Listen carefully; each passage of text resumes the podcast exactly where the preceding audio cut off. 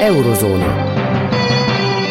A Klubrádió Európai Uniós magazinja.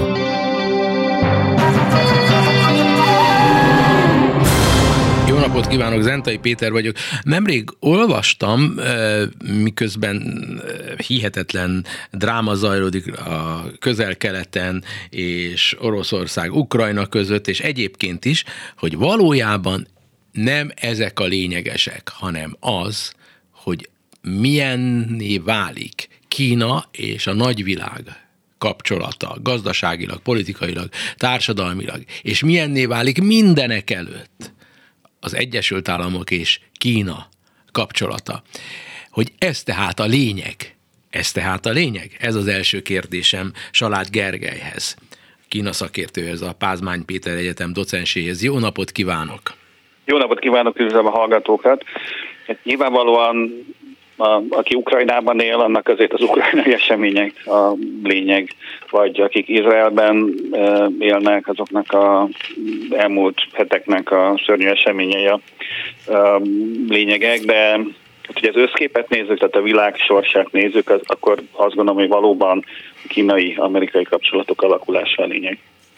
Mi az, ami miatt ez szinte az újdonság erejével hat, azok számára, akik mindannyian az egyszerűen halandók, benne vagyunk ebben a nemzetközi hírdömpingben, és olyasmi, mintha azt, amit most maga mond, megerősít, mintha a fáktól nem látnánk az erdőt.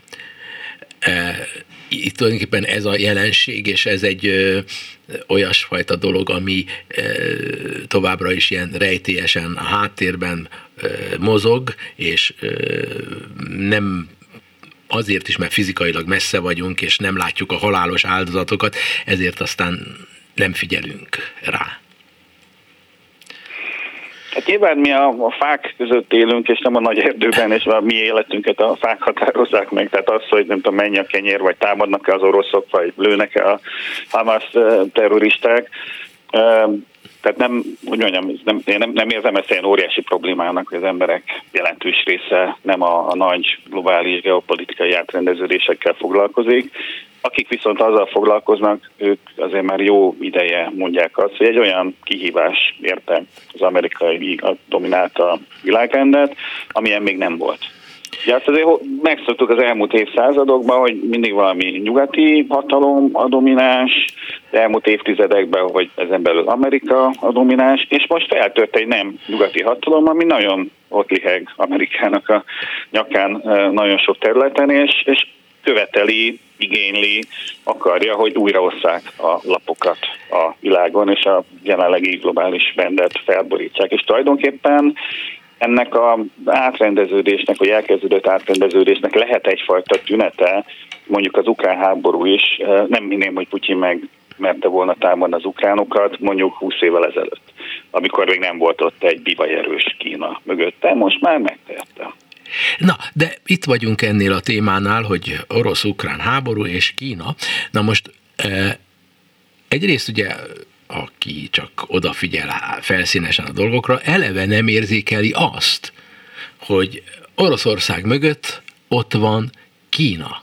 Mert sok-sok más országgal ellentétben, pontosan nem olyan sok országgal ellentétben, nem tudunk arról, hogy Kína a szavakon túlmenően bármi konkrétumot tenne Oroszország érdekében, igen, akkor ha így nézzük a dolgokat, akkor ha Kína ennyire fontos, akkor Izrael tökéletesen életbeszélben kellene, hogy legyen, vélhetőleg azért nincs, objektíve, mert Kína, a nagy, hatalmas, rejtélyes birodalom nagyon erőteljesen arab baráttá vált, és nagyon erőteljesen Izrael bírálója. Tehát olyan, mintha ha, ha a dolgok nem látszódnának, és valóban arról van szó, hogy amiben élünk, az csak egy látszat, a valóság az sokkal titokzatosabb. Most, ugye ezt a két konkrét esetet nézzük, Oroszországnak nem nagyon volt szüksége, meg van szüksége Kínának az aktív támogatására. Megvannak az erőforrásai Oroszországnak ahhoz, hogy ezt a háborút elhúzza, megvívja, aztán majd valamikor valahogy lezáródik. Neki arra van szüksége, hogy így a hátát neki tudja venni egy másik országnak, hogy egyrészt biztonságban tudja a távol-keleti területeit, másrészt pedig tudja, hogy az amerikaiaknak vagy a nyugati világnak a figyelme megoszlik. Tehát, hogyha Kína nem lenne ott, akkor most uh, Ukrajnában sokkal több erőforrást tudnának átcsoportosítani az amerikaiak, vagy mondjuk általában a nyugatiak is csak az oroszokkal törődnének, de alapvetően Amerika szempontjából az orosz-ukrán front az másodlagos, mert neki az első csendes a lényeges, és ez bőven elég Oroszországnak ahhoz. Tehát nem azt mondom, hogy a kínaiak támogatták, vagy, vagy esetleg ösztönözték Putyint a támadásra, hanem azt, azt mondom, hogy az, hogy a, egyrészt a kínaiakkal vannak annyira jóban, hogy számíthatnak rá, hogy még nem támadják őket hátba, másrészt pedig, hogy az amerikaiak azért inkább a, a tajvani szorosra figyelnek, mint Ukrajnára. Ez azért bőven elég volt az oroszoknak, hogy mozgásterük legyen, és régi vágyukat teljesítsék, legalábbis megpróbálják teljesíteni. A, a izraeli ügy az más, ott Kína nem igazán játékos, tehát volt persze kapcsolata Izrael, el is ismeri egyébként Izraelt, és nem, nem, nem állt itt az arabok mellé, kommunikációt leszámítva. Kínának évtizedek óta ugyanaz az álláspontja, két állami megoldás kell. Ő az izraelieknek és a palesztinoknak is a barátja, békét szeretne, tűzszünetet szeretne, tárgyalásokat szeretne, és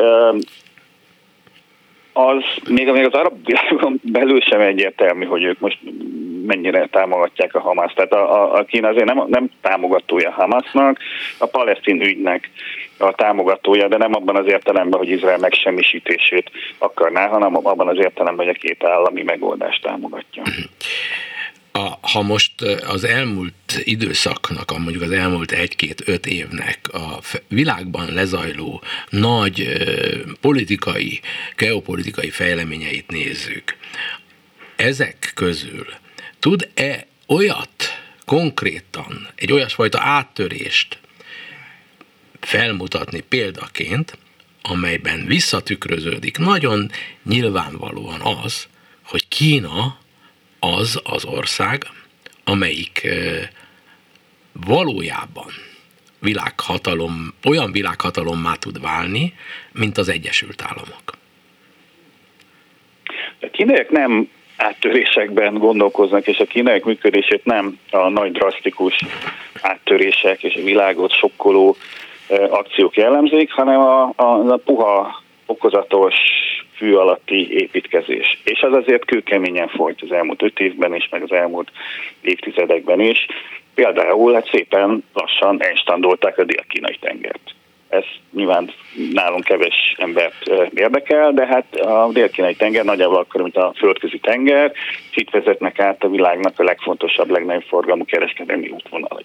Ezt lényegében ilyen mesterséges szigetépítésekkel, bázisépítésekkel a saját beltengerükét tették, miközben van ott egy fél tucat másik ország, aki igényt tart erre a tengerre, de ezeket kiszorították onnan. Ez azért egy elég Innen nem annyira látványos, de azért a szereplőket elég milyen érintő dolog.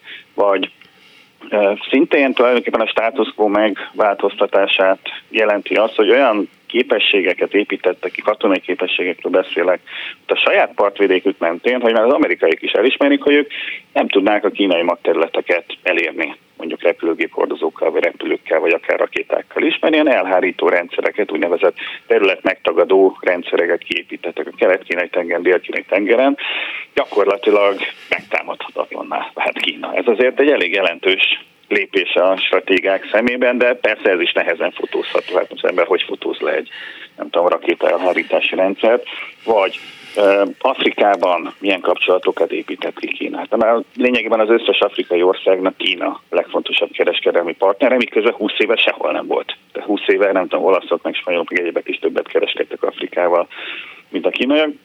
Most pedig torony magasan az első, dél-kelet-ázsiáron még nem is beszélve. Ezek ugye mind olyan évek alatt lezajlott lassú építkezések, kapcsolatépítések, képességfejlesztések, amik nehezen fotózhatók, nem férnek be az esti híradókba, de aki azért figyeli az eseményeket, látja, hogy itt egész egyszerűen borul fel az eddigi egyensúly. Uh-huh.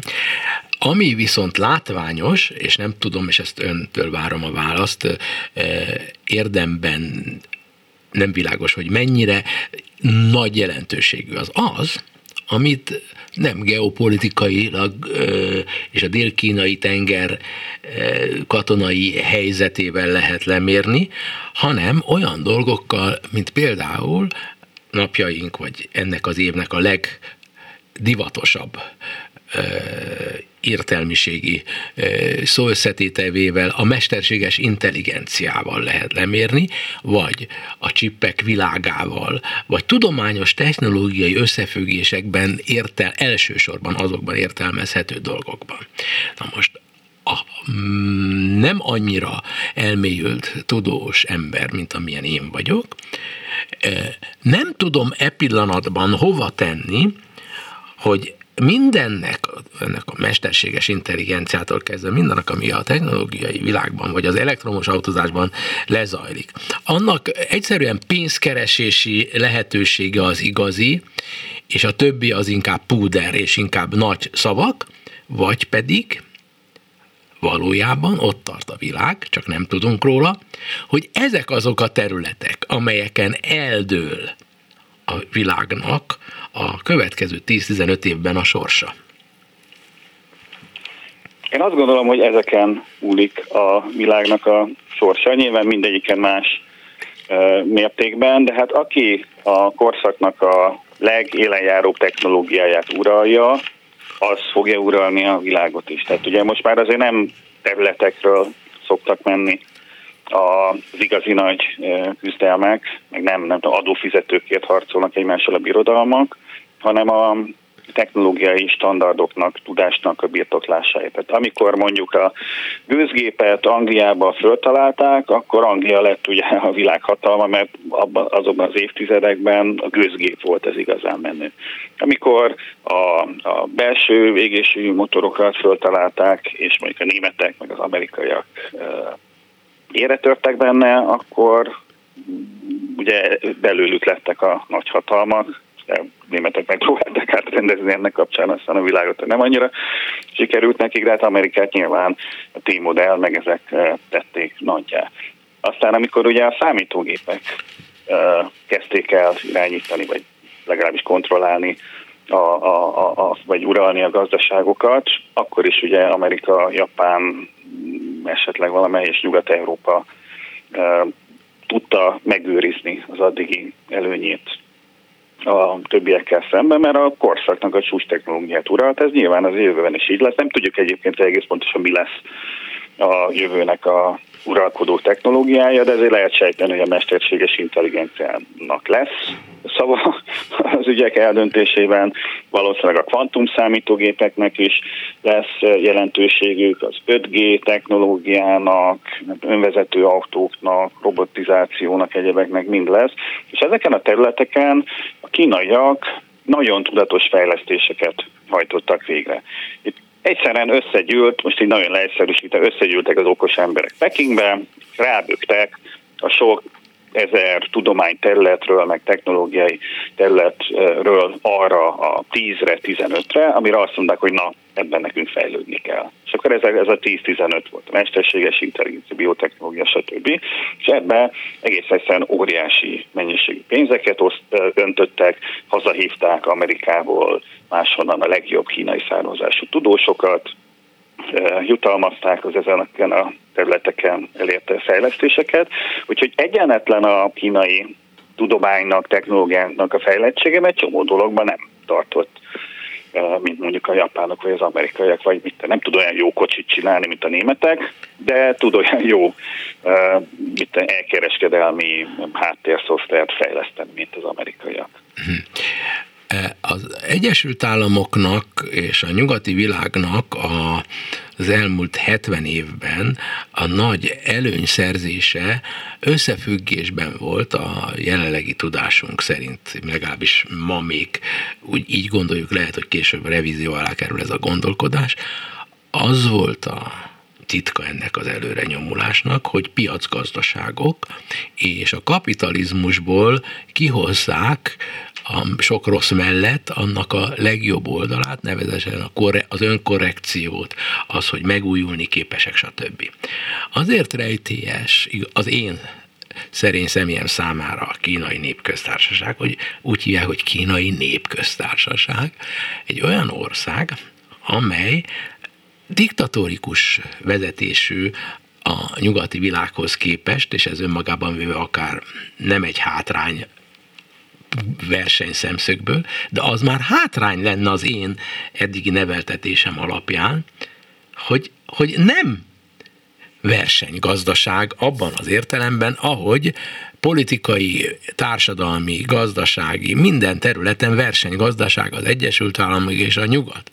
És ennek dacára Kína az, amelyik képes veszélyeztetni az amerikai szellemiség vezette világot, holott én arra mertem volna naívan esküdni, hogy az lehetetlenség, hogy egy központilag irányított kommunista párt által irányított eh, képződmény képes lenne. Tehát egy világ dőlt össze bennem, vagy dől, látszik összedőlni bennem, hogy ez lehetséges. Felül kell vizsgálnom mindent, amit én eh, elképzeltem a, világról. Érti az én dilemmámat? Értem, és én nem vagyok benne biztos, hogy ezt teljesen felül kell vizsgálni, mert azért tehát Amerikával kapcsolatban, vagy a nyugati világgal kapcsolatban meg kell jegyezni, hogy a legnagyobb technikai tudományos újítások nem a versenyszférából jöttek, hanem lényegben a NASA-tól, meg nyilván meg a hadseregtől, meg egyebektől.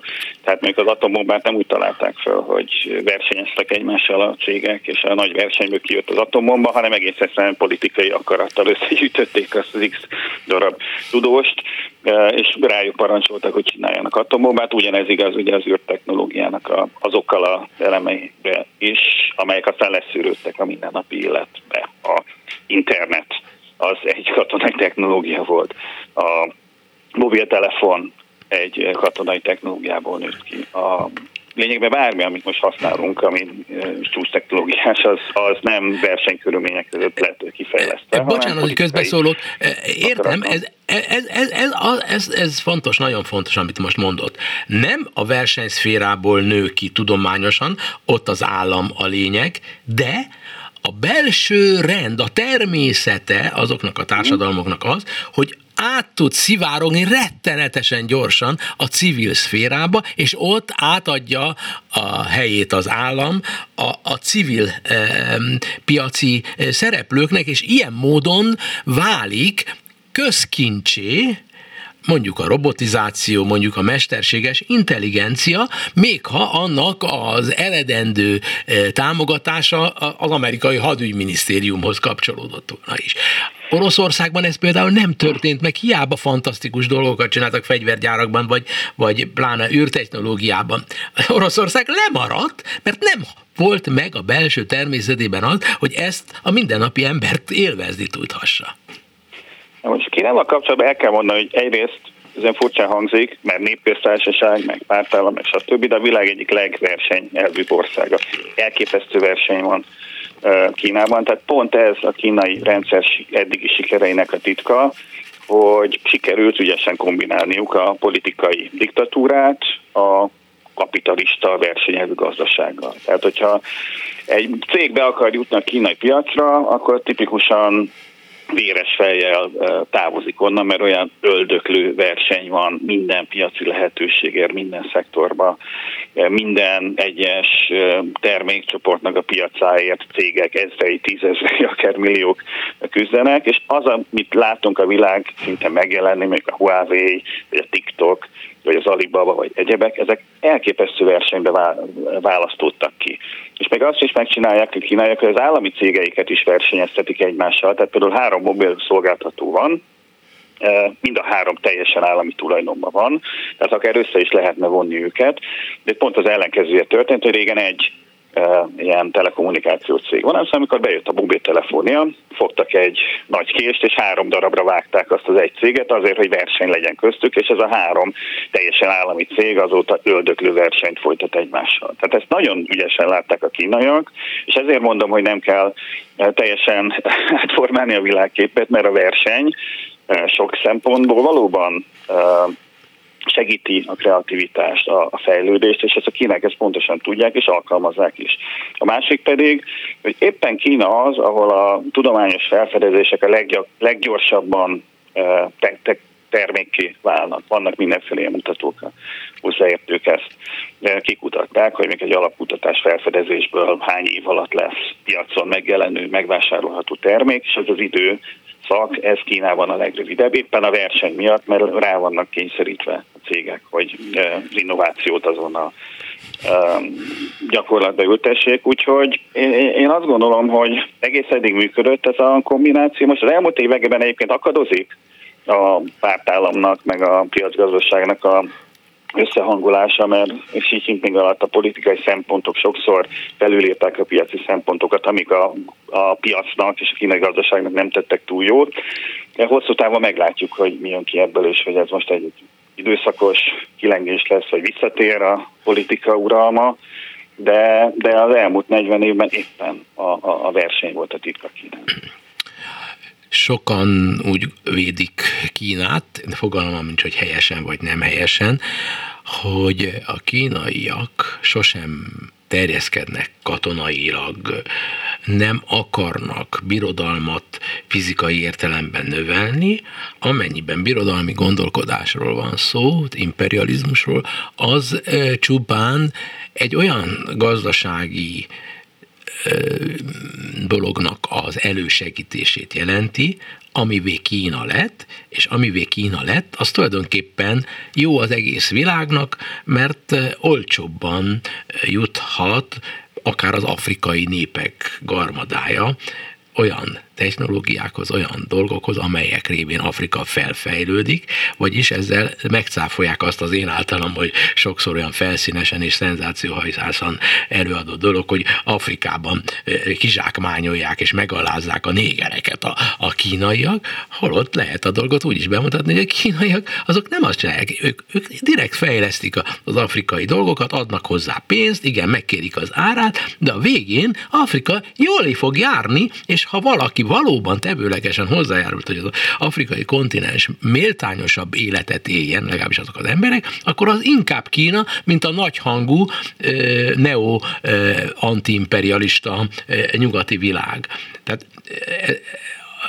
a látszat az, hogy kínai népköztársaság az egy kommunista izé. A gyakorlatban elmondja, hogy ez valójában csak púder, mert valójában nem az, hanem egy kapitalista ország. És lám, lehetséges, hogy az ő küldetése az, hogy eleve, hogy egyesíteni tudja azt a fajta szellemiséget, ami úgy látszik, hogy tömegigényt elégít ki egy nemzeti szocialista jellegű, vagy egy szocialista jellegűt, és a kapitalista jellegűt. És ez, ez a titka Kínának, hogy tudja egyesíteni azt, amit az Egyesült Államok soha nem akarna egyesíteni. Hát Ugye itt van van egy ilyen módszertani probléma, hogy az, hogy szocialista, kapitalista, piacgazdaság, ezek ilyen, ilyen nyugati nyelveknek a szavai, meg fogalmai. Tehát ezeket ugye a 18-19. században találták ki angol száz közgazdászok, amiket aztán mi átvettünk, de sehol nincs az megírva, hogy máshol ugyanezek a fogalmak érvényesek lennének, pláne az, az nincs sehol megírva, hogy ezek ugyanazt jelentenék. Tehát itt eleve Kínát nagyon nehéz bele szuszakolni ebbe a prokrusztészágyba, amit a mi fogalmaink adnak és volt egy ilyen megjegyzése, hogy a Kína nem nagyon terjeszkedett a történelem folyamán, hát erről azért meg lehetne kérdezni a koreaiakat, meg a vietnámiakat, meg az összes szomszéd. Nem, ez csupán egy, egy, egy sok, szokásos vélemény, amit én sosem tanulmányozok, én is röhelyesnek tartanám, de minden esetre sokan védik a kínai nép, és hogy az nem egy terjeszkedő nagyhatalom. Igen, Vietnámban terjeszkedő. Hát, ugye ez, ez eleve egy birodalom, ami hódításokkal jött létre, és lényegében elérte az akciót. Tehát a mai határok az nagyjából annak felel meg, ami felelnek meg, ami mondjuk így a hagyományos katonai erőkkel az akciórádiusza volt ennek az országnak. Tehát a természetes határokat, a Góbi sivatagot, Himaláját, stb., ameddig el lehetett jutni, az, azt ők az elfoglalták, amikor csak tudták, és, és ugye bepróbálkoztak Koreával, Vietnámmal, és hát van két hatalmas nép, aminek a történelme lényegében a kínaiak ellen vívott szabadságharcosoknak a sorozata akár ismerős is lehet sok szempontból számunkra. Tehát ez nem teljesen igaz, a kínaiak persze szeretik ezt így, így beállítani magukat. Az viszont igaz, hogy arra rájöttek a kínaiak a, a, a 20. században, második felé, vagy 21. században, hogy nem területileg akarnak terjeszkedni, leszámítva persze azokat a területeket, amiket eleve a sajátjuknak tartanak, mint mondjuk Tájvánt, meg dél-kínai tengert, kelet-kínai tengeren bizonyos szigeteket, ezeket eleve a sajátjuknak tartják és el akarják foglalni de ezen túl ők nem katonai hódításba gondolkodnak, hanem olyan aszimmetrikus függőségeket akarnak kialakítani, amelyek nekik kedveznek. Tehát ők nem gyarmatosítani akarják mondjuk, nem tudom, a kongói demokratikus köztársaságot, hanem egy olyan helyzetet akarnak teremteni, ahol a kongói demokratikus köztársasággal folytató kapcsolataikban nekik kisebb a kitettségük és több a hasznuk, mint a kongóiaknak. És e, ezeken a kapcsolatokon a, a helyiek is nyerhetnek, tehát valóban az elmúlt húsz évben egyébként jelentős fejlődést ért el Afrika, tehát megnézzük a GDP növekedését a legtöbb afrikai országnak, az nem kicsi volt.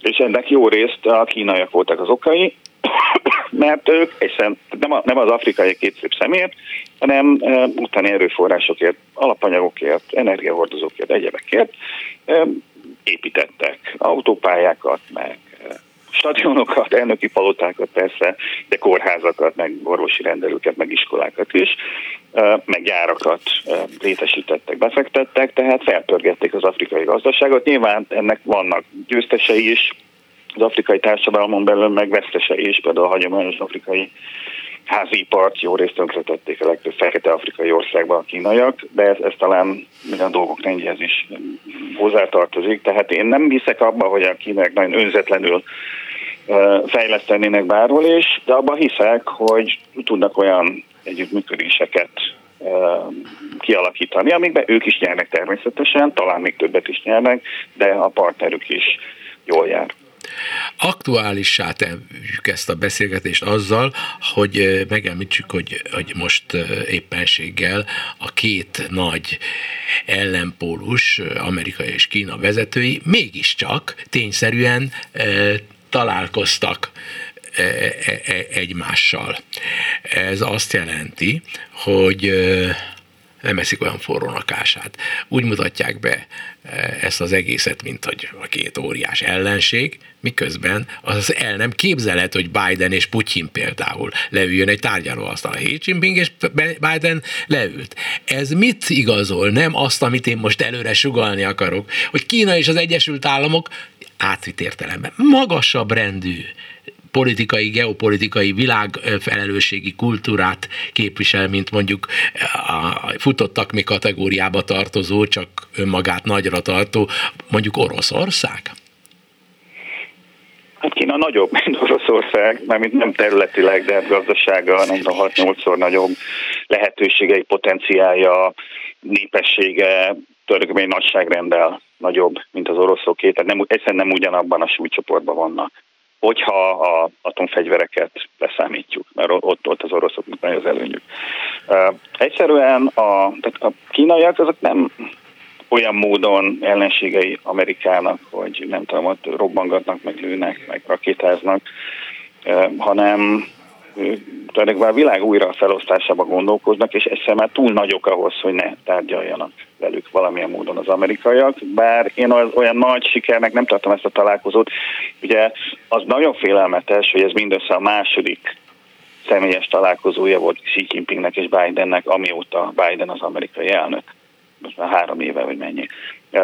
Ez baj, hát itt a világ két legnagyobb hatalma, ami mindenhol de össze is feszülnek, össze is vannak nőve, hát az amerikai meg a kínai gazdaság nem tud meglenni egymás nélkül, és ennek a két szuperhatalomnak a vezetői összesen kétszer találkoztak három év alatt, Nyilván itt a pandémia is ebben szerepet játszott, tehát akkor is nekik igazából évente többször kéne találkozniuk, ahogy annak irány 2010-es években azért ez, ez rendszeres volt, és most ez a tegnap előtti találkozó, hát ez így nagyjából arra volt jó, hogy abban megegyeztek, hogy azért fognak még beszélni egymással, és ilyen párbeszédmechanizmusokat kialakítanak, hogy a legnagyobb bajt elkerüljék, és még ne legyen nem két repülőgépnek, a, vagy a vadászgépnek az összeütközéséből azon a világháború, hanem fel tudják hívni egymást, hogy megnyugtassák egymást, de olyan nagy eredményei nem voltak ennek a találkozónak.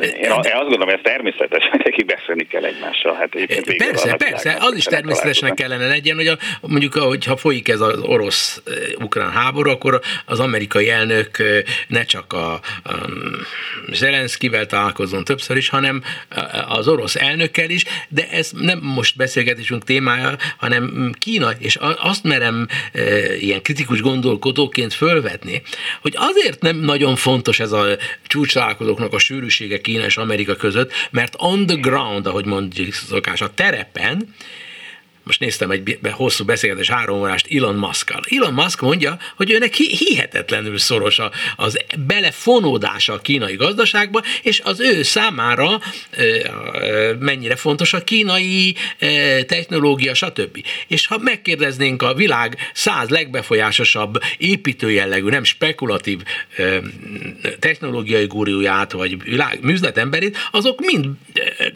havi vagy hev, évi vendégei Pekingnek, és ő hozzájuk is elmenek. Tehát a, azt akarom ezzel mondani, hogy de, de facto Kína és a világ nyugati része között egy szerves egybeépülés is lezajlik, és ez egyedül álló, amennyiben a nyugati világ és Oroszország között ez soha nem tudott megvalósulni, és soha nem is fog.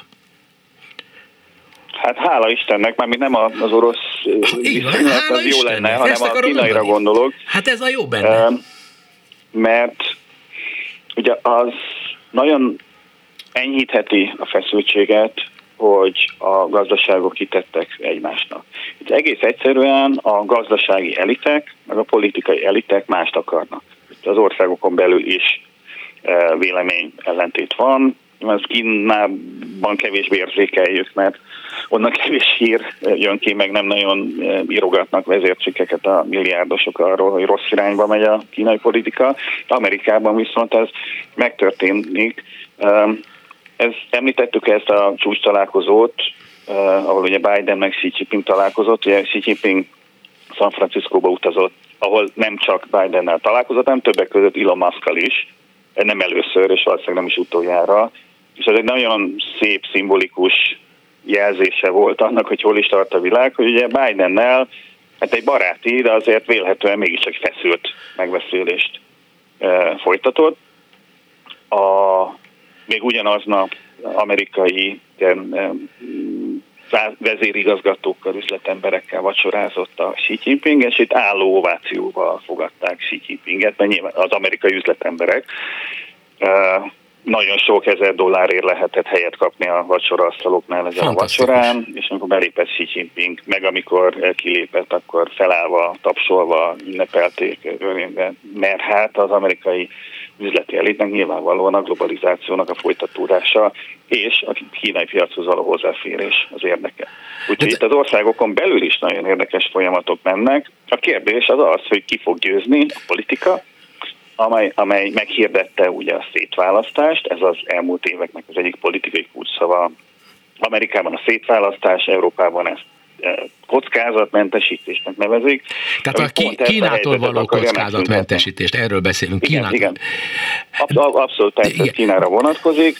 Politikusok egyszer meghirdették, hogy szét kell választani a gazdaságokat. A uh-huh. gazdasági szereplők meg ezt nem akarják, e, úgyhogy itt egy e, folyamatos lobbizás, ellenlobbizás, tusakodás megy, majd ki fog derülni, hogy a politika vagy a gazdaság győz de hát a, a gazdaság az, az, az, az, az megy, az, az, az létkérdés. A politika az önmagát létkérdésnek e, szereti beállítani, és nem jogtalanul teljesen, de a mai világban e, az a lényeges, hogy a jelek szerint mi van a, a, a felszín alatt, hogy, hogy a Kína és az Egyesült Államok a jelek szerint egyforma ha pozitívak vagyunk, egyforma adalékos értékkel bír a világ számára.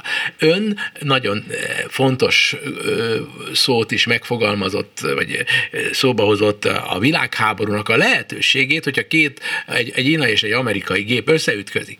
Csak kérdezem én egyébként, hogy miért is lenne attól világháború? Attól világháború, hogy amerikai-kínai háború, akkor az automatikusan világháború, mert például én nem látom azt, hogy, hogy például Kína mögött milyen katonai katonai erők, más országok katonai erői állnának, azt el tudom képzelni, hogy az Egyesült Államok mögött elég sok, de Kína mögött nem. Mondja, mondja meg, hogy miről van itt szó.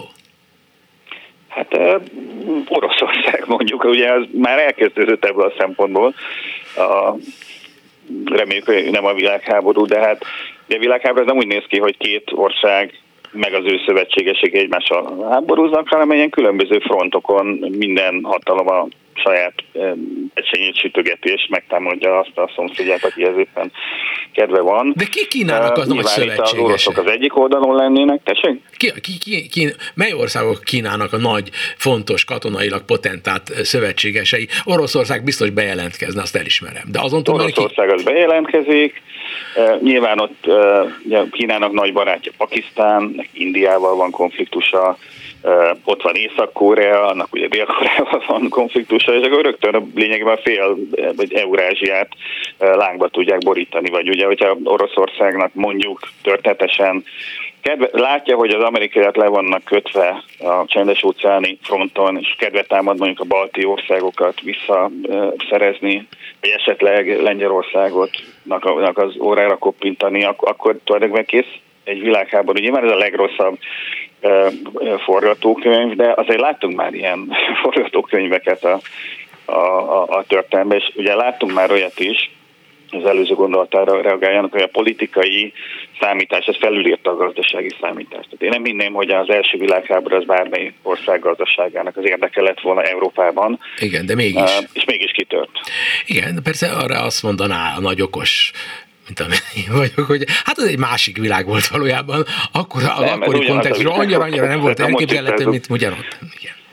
Igen, de, de azért ugye azért keves, kevés szó esik, hogy Japán, amelyik az én gyerekkoromnak a, a Kínája volt, a mindenki attól retteget, és milyen fantasztikus dolgokat csináltak a tranzisztoros rádiókban, meg mindenben az én gyerekkoromról beszél, maga akkor nem volt, nem, még életben sem, de nem született még meg. A lényeg az az, hogy ma Vietnám, aki, a, a, a, tudja, hogy a 60-as években mit jelentett Vietnám a szocialista mhm. világ számára? Hát Vietnám ma egy, egy anti-Kína e, miniben, ráadásul nagyon fantasztikusan fejlődik, másolják a, a kínaiakat, de ellen Kínaként. Japán azért mégiscsak Japán, amelyik egy csodálatos e, e, elkészült hely.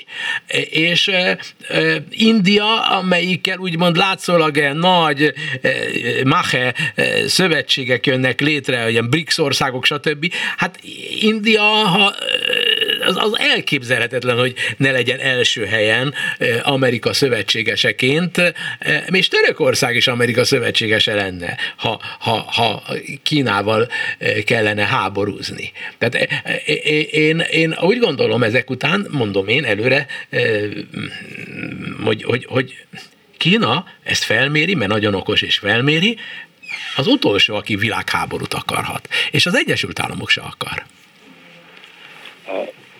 soha senki nem akar világháborút, de elsőt meg a másodikat se. Úgy kezdte senki, hogy na ebből világháború lesz, mind a kettő úgy indult, hogy egy villámháborúba gyorsan meg, meg, megtámadok egy szomszédot, aztán mire a levelek lehullanak, addigra otthon lesznek a katonák.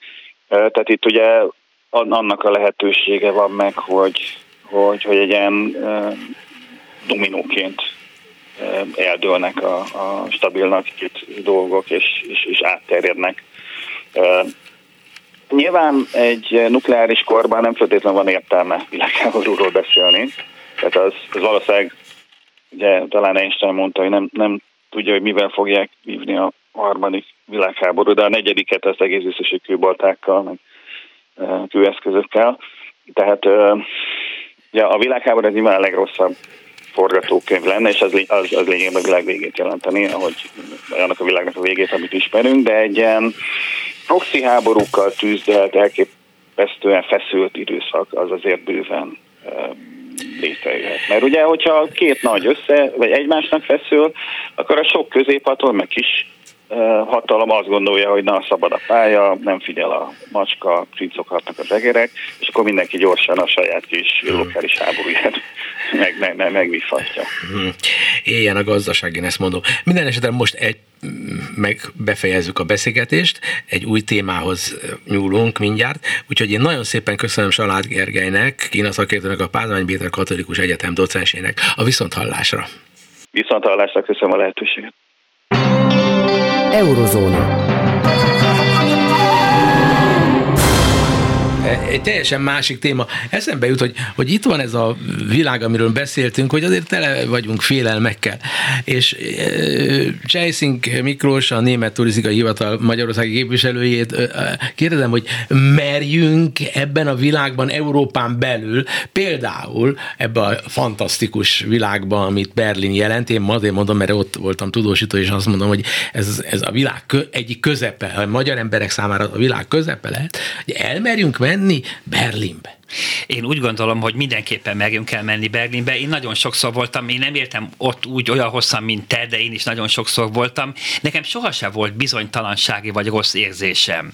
Tehát, hogyha ugye egész Európára meg a világra tekintünk, mindenhol forrong történik valami, akárhol történhet akármi. Szerintem így nem szabad hozzáállni a dolgokhoz, abból kell kiindulni, hogy nem fog semmi rossz, semmi negatív velünk történni. Igen. Tehát e, tulajdonképpen e, téged és a kollégáidat és azokat az utazókat, akik oda járnak, stb. E, nem érinti az, hogy mondjuk híre megy a sajtóban annak, hogy sok a migráns, és akkor mi veszélyben leszünk. E, csak hozzáteszem, hogy a migránsok egyébként Berlinben a szexepilt adják, őszintén szólva, de ezt nehéz elhitetni másokkal. Ez így van, ugye ezt jó szót mondtál meg, sokan azt mondják, hogy Berlin az egy szexis város, tehát hogy forgatag, sokszínű, és valóban a nagyon sok idegen, én nem szeretem ezt a migráns szót használni, hiszen Berlinben már több évtizedben nagyon sok nem európai él, és pont attól érdekes, attól izgalmas, hogy sokszínű.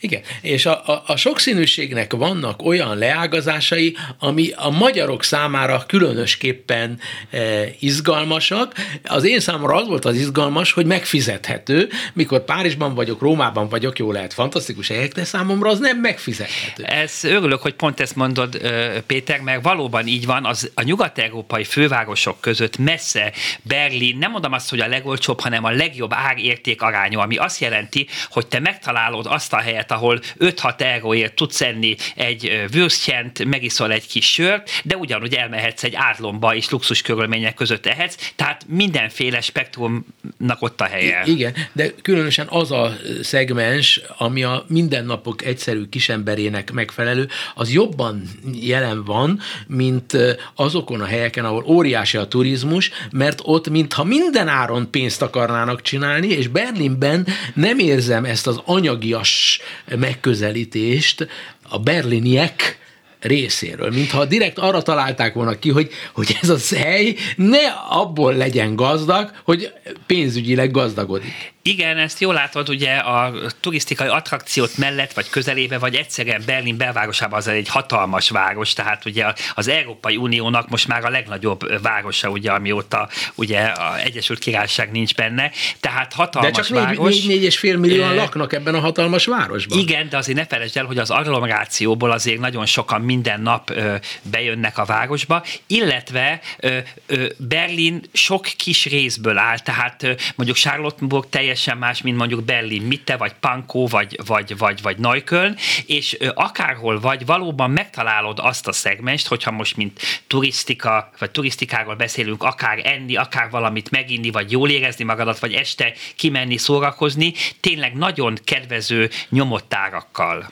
E, és, és tulajdonképpen ez egy központilag elrendelt dolog, szervezett dolog, vagy pedig az, hogy olyan nagy a szabadság, hogy hagyják, hogy, hogy te megéld ott az egykori NDK-t, nem a politikai értelemben, hanem azt a légkört, amire emlékszik a magam korabeli a 70-es évekből, és megéld azt a világot, ami olyan, mintha New York City-ben lennél, a Manhattanben lennél, és megéld a Róma környéki völgyek kellemes ilyen villákkal telített világát. Mm-hmm. Tehát, hát nem, ez abszolút nem szabályozott, egyáltalán nem. Berlinben pont az a fantasztikus, és én mindig azt mondom, hogy egy igazi nyitott, szabad város.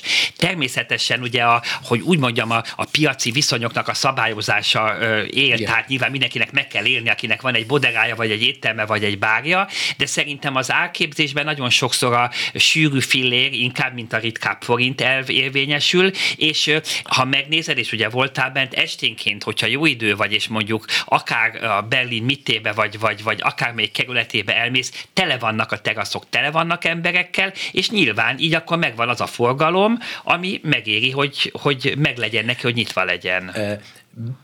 Németországnak a helyzete, mint olyan nagyon fontos központi szerep, rá kell nézni a térképre, Berlin azon belül a központ, hogy hogy az egész nem bukhat-e meg a politikán? Nem gondolod-e azt, hogy, hogy mindaz, amiről most beszélünk, és nagyon gyorsan beszélünk, mert kevés az idő, meg tud bicsaklani, ha a, a Európában tovább növekszik a nemzeteknek az egymástól való elszakadási törekvése, ez az izolacionizmus. Én úgy gondolom, hogy nem, mégpedig azért nem, mert Berlin egy hatalmas olvasztó tégely, és ha körbenézel, nagyon sok honfitársunk is lakik Berlinben, tehát szerintem a nyugat-európai városok közül talán London után Berlinben lakik a legtöbb magyar, és azok jól érzik ott magukat. Ugyanúgy jól érzik magukat ott a többi kelet-európai országokból, vagy az USA-ból, a tengeren túlról odajött emberek, és szerintem Berlin számomra egy kis külön világ. Ott, ahol mindenki jól érzi magát, mindenki úgy élheti meg az életét most minden szempontból, ahogy ezt szeretné, és pont ezért ez a város, ez a nagy olvasztó tégely, egy fantasztikusan izgalmas turisztikai destináció. Hiszen... De nem csak turisztikai, hanem olyan is, amivel le is nem, több hónapot is el lehet tölteni. Abszolút. Magyar fizetésekkel meg tudsz élni, hogyha néhány hónapra kiveszel egy pici lakást, bár a lakáshiány az egész égetővé vált. Vagy hanem, egy igen. szobát, ugye vannak ez ezek a végék, ugye ez a vongemánsáftok, ahol ugye mondjuk az egyetemisták laknak, tehát ö, ö, abszolút lehet, nagyon sok diák például ö, fél évet, egy évet ott kint tölt el, és megengedheti magának, ez a nagyon fontos, hogy ott éljen. Igen, de ha kreatív az a diák, amit én észrevettem, hogy alákérdezek, közben nem alákérdezek, mert valójában el vagyok de ragadhatva, hogyha kreatív vagy, akkor a város nagyon sokat segít. Tehát ha te művész vagy, akarsz a városon építeni te magad, függetlenül, hogy hova valósi vagy, milyen vallás vagy, teljesen mindegy. A lényeg az az, hogy te adalékos értékel akarsz eh, élni, abban a pillanatban kapsz anyagilag egy pluszt.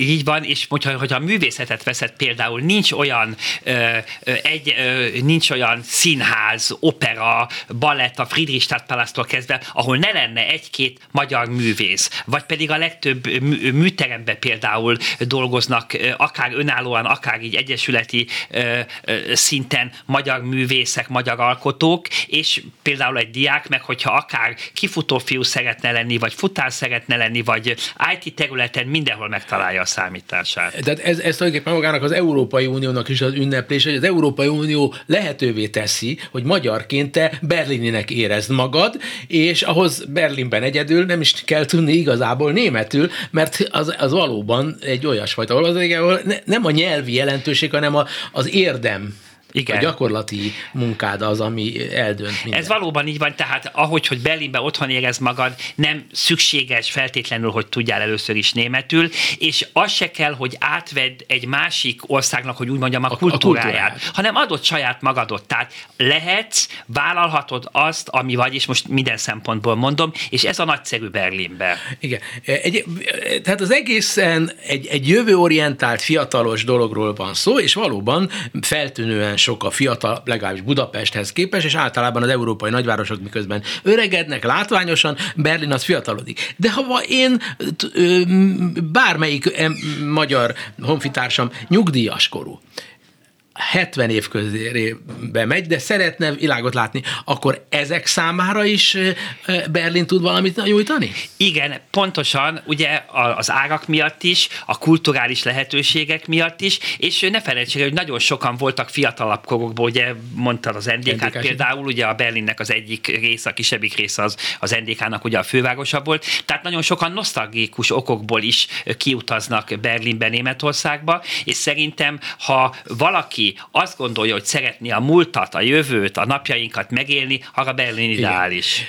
És amiről nem beszél sok ember, az, hogy az igazi titka valójában a elképesztő természeti különlegességeiben van, annyi tó, és annyi zöld övezet én sehol Európában, nagyvárosokban, nem tengerparti helyeken nem láttam. Igen, Berlin kimondottan egy zöld város, és hogyha például mondjuk Potsdam felé kimész, ott is ugye ez a tóvidék, ez fantasztikusan szép, vagy pedig hát a város központban, ha meggondolod, ugye ismered a Brandenburgi kapu mögött ugye a Tiergarten, tehát a, a, az, az a, nagyobb, belváros. Nagyobb, mint a Central Park, amelyik a, a New Yorknak a, a, a nevezetes. Így van, egy hatalmas park például, tehát még nem is kell kell kimenni, még a város határára se kell kimenni, hogy a zöldet élvezzed. És a, a, a víz, a víz, amire Budapest olyan büszke, hát ott, ott tiszta annyi víz van. Hát igen, ott ugyanúgy vannak csatornák, ugye, mint Velencében egy kicsit, a Spré, ugye a főfolyó, lehet hajózni, napozni, nyáron strandolni, minden lehetőség adott. Igen. Na most mi a véleményed arról, hogy egy másik alkalommal folytassuk ezt, mert Berlinnek a, a pikantériája, a szexi volt az, hogy egy, egy, egy, egy országon, egy kontinensen belül egy külön világ, jó lehet, egy városról van szó. Úgyhogy most nem marad időnk, mert elkínáztuk a dolgokat. Majd folytatjuk. Jó, minden esetre Csejzing Miklósnak, a Német Turisztikai Hivatal budapesti képviselőjének, képviselő vezetőjének köszönöm, hogy itt volt. Köszönöm szépen. A hallgatóknak pedig köszönöm a figyelmet Simon Erika, Túri Lui és Bencsik Gyula nevében. A viszonthallásra. Önök a Klubrádió Európai Uniós magazinját hallották.